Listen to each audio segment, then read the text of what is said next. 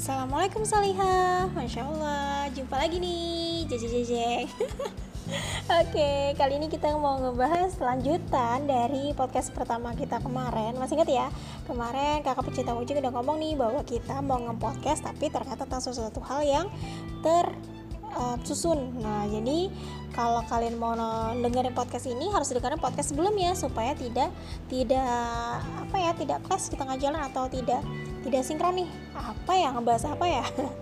Jadi uh, mungkin beberapa saat yang lalu podcast di podcast sebelumnya kakak pecinta kucing udah ngejelasin terkait tentang makna kehidupan versinya kakak meaningful life yang mana kita tuh harus benar-benar paham terkait tentang tujuan hidup. Oke jadi um, ternyata setelah kita cek-cek ya bahwa ternyata hidup kita nggak cuma segera hidup bahwa kita tuh kalau hidup itu nggak cuma sekedar makan tidur makan tidur atau kerja kerja kerja kerja nggak cuma gitu doang. Tapi ternyata hidup jauh lebih lebih luar biasa lagi yaitu ternyata kita punya makna dan kita punya tujuan. Yang mana dalam tujuannya dalam Quran surah Az-Zariyat ayat 56 wa ma khalaqtul jinna wal insana illa liya'budun. Tidaklah Allah ciptakan ya. Jadi Allah itu tidak menciptakan jin manusia kecuali untuk beribadah kepada Allah kata Allah. Nah pertanyaannya ini kan kita muslim nih. Kita udah muslim kita ibaratnya adalah seorang Abdullah hambanya Allah. Yang mana kita udah paham nih tujuan hidup kita adalah semata-mata untuk beribadah kepada Allah. Tapi emang pertanyaannya ibadah yang seperti apa sih yang Allah inginkan? Ini kan Allah nyuruh kita tujuannya untuk ibadah nih. Apakah harus 24 jam kita ibadah terus? Gak capek apa? Ibaratnya kita benar-benar ibadah terus itu kan pasti akan ada orang ber, berpersepsi seperti itu dan dia akan ngomong yaudah deh kalau gitu aku nggak sekolah aja. Yaudah deh aku kalau gitu nggak usah nikah aja. Aku pengen ibadah terus. Atau yaudah deh aku nggak usah kerja aja aku pengen ibadah terus. Padahal Rasulullah nggak pernah nyontohin kayak gitu. Rasulullah kerja kerja Rasulullah berdagang malah. Terus Rasulullah juga nikah.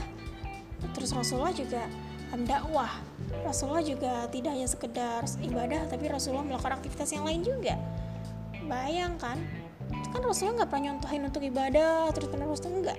Bahkan ketika puasa Rasulullah berbuka. Bahkan Rasulullah juga ber, bercengkrama dengan anak cucunya. Kan berarti Rasulullah melakukan aktivitas yang sebenarnya kurang lebih aja dengan kita. Tapi mungkin ada sesuatu hal yang perlu kita garis bawah ini kira-kira yang seperti apa sih yang Allah inginkan yang mana sudah Rasulullah contohkan kira-kira seperti apa nah di sini nih kita mau ngebahas terkait tentang ihsanul amal yang mana meraih ridha Allah Subhanahu wa taala dengan amalan terbaik the best amalan amalan berkualitas kira-kira kalau ditanya nih Oke oke kita kita akan ngecek amalan-amalan kita. Oke kita akan introspeksi masing-masing semua. Silahkan kalian buka buku amal-amal kalian. Masya Allah. Kita mau ngecek amalan kita. Nih kira-kira dari sekian ratus amalnya kita ada nggak sih yang kalian udah yakin itu udah jadi pegangan kita bahkan kita yakin nih dengan amalan ini kita bakal masuk surga ada nggak kira-kira kalau belum atau bahkan mungkin yang mana ya kakak pecinta kucing aja sampai sekarang masih mikir kira-kira ada nggak ya oke inilah yang harus benar-benar kita pahami terkait tentang apa harus kita lakukan, amal perbuatan yang seperti apa. Kalau misalkan nih, ya perbuatan baik aja lah yang kita lakukan, yang penting aku baik, yang penting kita berbuat baik, yang penting kan kita nggak ngejahatin orang. Oke, sekarang pertanyaannya, baiknya itu standarnya seperti apa? Tahu itu baik buruknya dari mana? Tahu itu boleh tidaknya standarnya dari mana? Ini nih harus kita garis bawahi. Karena kita tuh kadang-kadang mengira sesuatu hal yang kita pikir itu adalah baik ternyata nggak baik. Contoh misal aku tuh kan pengen nikah ya. Kita ini kan pengen nikah pengen ketemu pasangan hidup. Kira-kira kalau misalkan aku nggak pacaran emang aku bisa ketemu pasangan hidup? Hmm kayaknya nggak bisa deh eh katanya pacaran. Yaudah deh pacaran dulu. Kan katanya pacaran untuk mengenal seseorang. Kita jadi kenal mereka itu siapa dia itu seperti apa wataknya seperti apa buruknya kayak gimana sehingga kan kita nggak akan kayak kucing beli kucing dalam karung.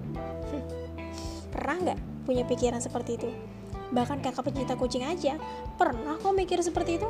Bahkan kayaknya nggak masuk akal ketika ada orang yang dia menikah tanpa pacaran kayak dijodohin gitu misalkan. Hmm, ternyata ya itu kan versinya kita. Baiknya versinya kita. Kalau misalkan pacaran itu katanya untuk mengenal seseorang terus kenapa ada yang orang udah pacaran ratusan tahun? Eh ratusan tahun. Kayak Gumiho aja. Puluhan tahun atau bertahun-tahun kayak KPR BTN tapi ketika mau nikah eh sama yang baru kenal. Kenapa bisa seperti itu? Katanya sih kayak nggak punya serak gitu.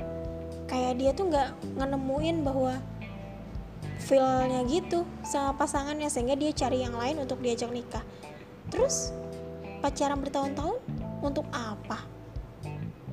Hmm kadang-kadang kita juga mikir kenapa ya itu bisa terjadi? Hmm, perlu kita garis bawahi kalau misalkan katanya pacaran itu untuk mengenal seseorang dan mereka bisa bahagia walaupun banyak di luar sana yang seperti itu mungkin itu kebetulan. Tapi apakah itu jadi standarnya kita untuk melakukan perbuatan? Misal ustadz yang di sana aja boleh kok. Yang di sana nggak apa-apa. Yang di sana langgeng-langgeng aja kok ketika dia pacaran dia nikah sampai tua lagi. Terus yang di sana juga bahagia bahkan mereka punya anak dan anaknya juga bahagia-bahagia aja pertanyaannya emang standarnya kita ngelihat standar orang lain? Emang standar baiknya kita itu kita lihat dari orang lain? Oke catatan pertama. Yang kedua misal ketika kita punya teman banyak teman kita campur baur laki-laki perempuan setengah laki setengah perempuan. Terus kita berpikir bahwa kita tuh bertemannya nggak boleh pilih-pilih. Terus nanti kalau misal kita berteman pilih-pilih nanti kita dibilang sombong. Jadi kita tuh nggak boleh bertemannya pilih-pilih. Oke kalau misalkan di sini kalimatnya adalah berteman supaya nggak sombong. Terus kalau misalkan berteman banyak ketika kita lagi duka-dukanya mereka menghilang gimana? Kadang-kadang yang kita pikirkan itu yang kita pikir baik, ternyata banyak banget aktivitas kita itu yang ternyata cuma pikiran kita aja, belum belum benar-benar benar-benar itu baik. Karena standarnya kita itu nggak jelas masih standarnya standarnya siapa. Lalu perbuatan baik itu semestinya kayak gimana sih? Kira-kira standar baik itu dari mana sih? Oke, ternyata Allah sudah menyampaikan dalam Quran Surah Al-Mulk ayat 2. Wajibnya asan dalam beramal. Dalam Quran Surah Al-Mulk ayat 2.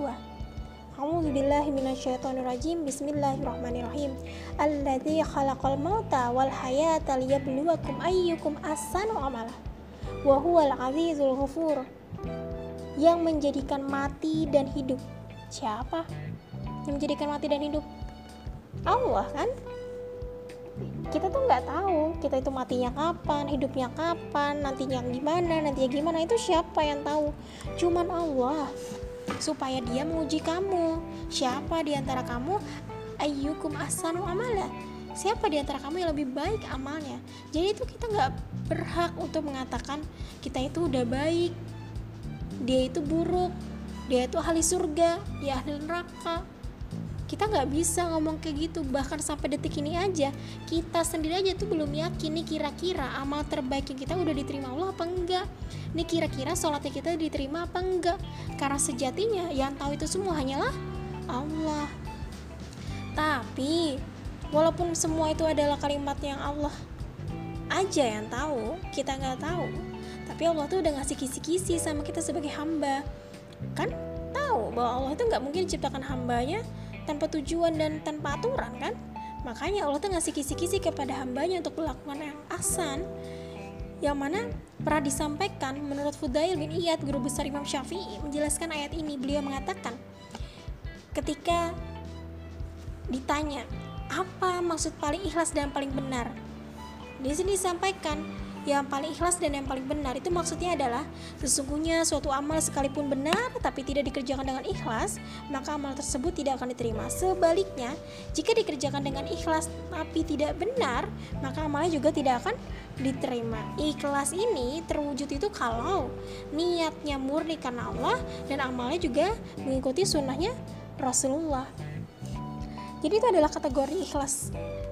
Jadi standar kita itu berbuat baik itu adalah ikhlas nggak sih kita ngelakuinnya dan kira-kira benar nggak sih kita ngelakuinnya Oke, sekarang kita akan garis bawah ini Ikhlasnya kita Kadang-kadang ya, kita tuh bilangnya ikhlas, ikhlas, ikhlas Tapi pertanyaannya ikhlas nggak sih sebenarnya? Ikhlas itu apa sih sebenarnya? Niat ikhlas karena Allah tuh gimana sih caranya? Ini kira-kira kita tuh udah bilang ikhlas Tapi kira-kira bisa lurus nggak sih niatnya kita? Jangan-jangan bisa belok Nah, di sini nih kita akan garis bawahi Bahwa ternyata ikhlas itu juga punya ciri-ciri yang pertama, kesamaan perbuatan antara lahir dan batin, di mana ketika kita mengucapkan dan kita melakukan perbuatan itu sejalan. Ketika kita bilang mau cuci piring gak? Hmm, hmm, mau mau, tapi di mulut bilang mau di hati gredek-gredek sehingga ketika cuci piringnya piringnya sampai pecah-pecah. ini anak-anak rumahan banget yang kayak gini nih. Jadi kesamaan perbuatan antara lahir dan batin itu harus dilakukan ridhonya semata-mata karena karena Allah. Kan mengharap ridho Allah kan? Terus ketika kita menjalankan perintahnya Allah kita sabar tidak sombong tunduk pada kebenaran ketika Allah perintahkan kita lakukan sami awatona tidak mudah berfatwa nggak sombong ibaratnya nggak sok-sokan ilmunya. Bahkan kalau misalkan kamu nggak tahu ya bilang aja nggak tahu. Dan ketika kamu tahu ya harus disampaikan. Itu adalah ikhlas karena karena Allah bahkan ya ibaratnya dalam menurut Abu Qasim pernah mengatakan ikhlas adalah menjadikan satu-satunya yang berhak ditaati dalam sebuah niat ialah Allah taala. Artinya, kalau misalkan kita menginginkan ketaatan itu hanya untuk bertakarub kepada Allah semata, tidak untuk orang lain, misal dipamerin misalkan, cari popularitas misalkan, ingin disanjung misalkan, atau dipuji misalkan, contoh kecil aja deh. Ini karena kalau misalkan kamu tuh nggak ikhlas terkait tentang perintahnya Allah, ini ketika kamu sedang ibadah, pakai jilbab, pakai kerudung, terus kamu dibilang, ih kamu tuh jelek pakai itu, kamu nggak usah pakai jilbab, pakai kerudung, pakai celana aja kayak biasa, udah kayak gitu segala macam, kamu dibully habis-habisan terus kamu bilang apa? Masa sih kayaknya iya deh. Nah di situ tuh berarti harus ditanyain jangan-jangan gak ikhlas kita ngelakuinnya? Padahal kan kita melakukan pakai kerudung pakai jilbab itu kan semata-mata karena Allah kan awalnya. Tapi ketika di ujung dicoba-coba oleh gunjingan-gunjingan orang lain di luar sana terus kita bilang apa? Masa sih? Aduh jadi kepikiran deh. Aduh aduh aduh gimana ya? Aku dibully aku dibully aku dibully. Hmm ini kira-kira kalau misalkan kita di ketika kita kayak gitu ikhlas gak sih sebenarnya karena Allah? Jadi ikhlas itu kalau kamu dipuji kamu biasa aja. Kalau kamu dihina ya kamu biasa aja. Ya karena memang tabiatnya memang seperti itu. Ketika kamu taat kepada aturan Allah ya mau sampai kapan pun dibully terus. Ya Rasulullah yang setara Rasulullah aja tuh sering dibully. Setara Rasulullah aja loh itu ketika Rasulullah ibadah aja tuh dibully habis-habisan oleh kafir Quraisy. Apalagi kita yang boro-boro ibadahnya kayak Rasulullah. Jangan-jangan masih perempat juga belum kan? Udah sok-sokan lemah gara-gara dibully beberapa kata doang. Perlu kita renungin. Itu yang yang pertama. Yang kedua standarnya terbaik tadi amalnya kita adalah caranya harus kudu benar. Jangan asal-asalan. Dan tahu benar salahnya dari mana? Ya dari perintah Allah lah. Kalau misalnya Allah ngasih perintah pasti ada hukumnya dong. Kalau ada hukum berarti kita perlu ilmu supaya tahu hukumnya. Makanya ngaji Islam. Jadi kalau misalkan kamu pengen tahu bagaimana caranya menjalankan ikhlas bagaimana tahu hukum syara ya itu nggak akan bisa didapetin kalau nggak ngaji Islam. Karena dengan mengaji Islam kita punya ilmu punya pemahaman Islam tahu mana baik mana buruk. Ini nih pentingnya ngaji Islam. Yuk ngaji Islam. Dengan mengkaji Islam kita tuh punya ilmu. Sehingga kita bisa tahu mana baik mana buruk. Sampai karena sampai inget ya lagu soundtracknya yuk ngaji kawan.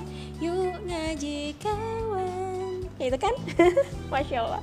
Kenapa emang penting banget ngaji Islam? Kebayang ya kakak pecinta kucing aja kalau nggak ngaji Islam tuh masih nggak kepikir nih kira-kira sampai ke tahap ini nggak ya masya Allah. Nih bener-bener nih kalian tuh harus ngerasain nikmatnya Islam tuh ketika kalian ngaji Islam. Dan kalian akan ngerasain feel yang beda banget ketika kalian tuh benar-benar udah ngeruh udah ngefeel dengan Islam dan udah menjadikan Islam sebagai darah daging kalian. Hmm, tuh beda banget nih rasanya.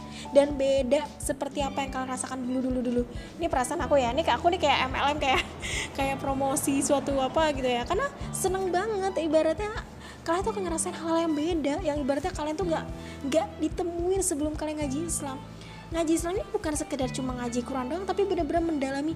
Dalamnya tuh gimana sih? Sehingga kamu ketika ada problem hidup kamu punya problem masalah yang begitu luar biasa tuh dengan Islam kamu tuh bisa ngontrol itu semua. Bahkan kamu bisa mengontrol perasaan dan gak akan ada kalimat galau. Dan gak akan ada kalimat penyesalan. Karena mikir dulu sebelum bertindak. Karena kamu tahu hidup ini sementara dunia sementara akhirat selamanya. Di mana tahu tujuannya dan tahu batasan berlebihannya seperti apa batasan benar salahnya seperti apa. Walaupun yang namanya manusia ada salah dan hilaf oke salah hilaf mohon maaf ya. Sekian sharing-sharing uh, kita kali ini terkait tentang amal so kalian boleh share uh, informasi ini sebanyak-banyaknya kepada teman-teman kalian supaya benar-benar paham terkait tentang pentingnya memahami dan pentingnya benar-benar bisa punya standar kebaikan dan kita punya benar-benar punya kategori-kategori yang ibaratnya best best best banget ya kita tuh melakukan amalan tuh amal-amalan terbaik kita. Dan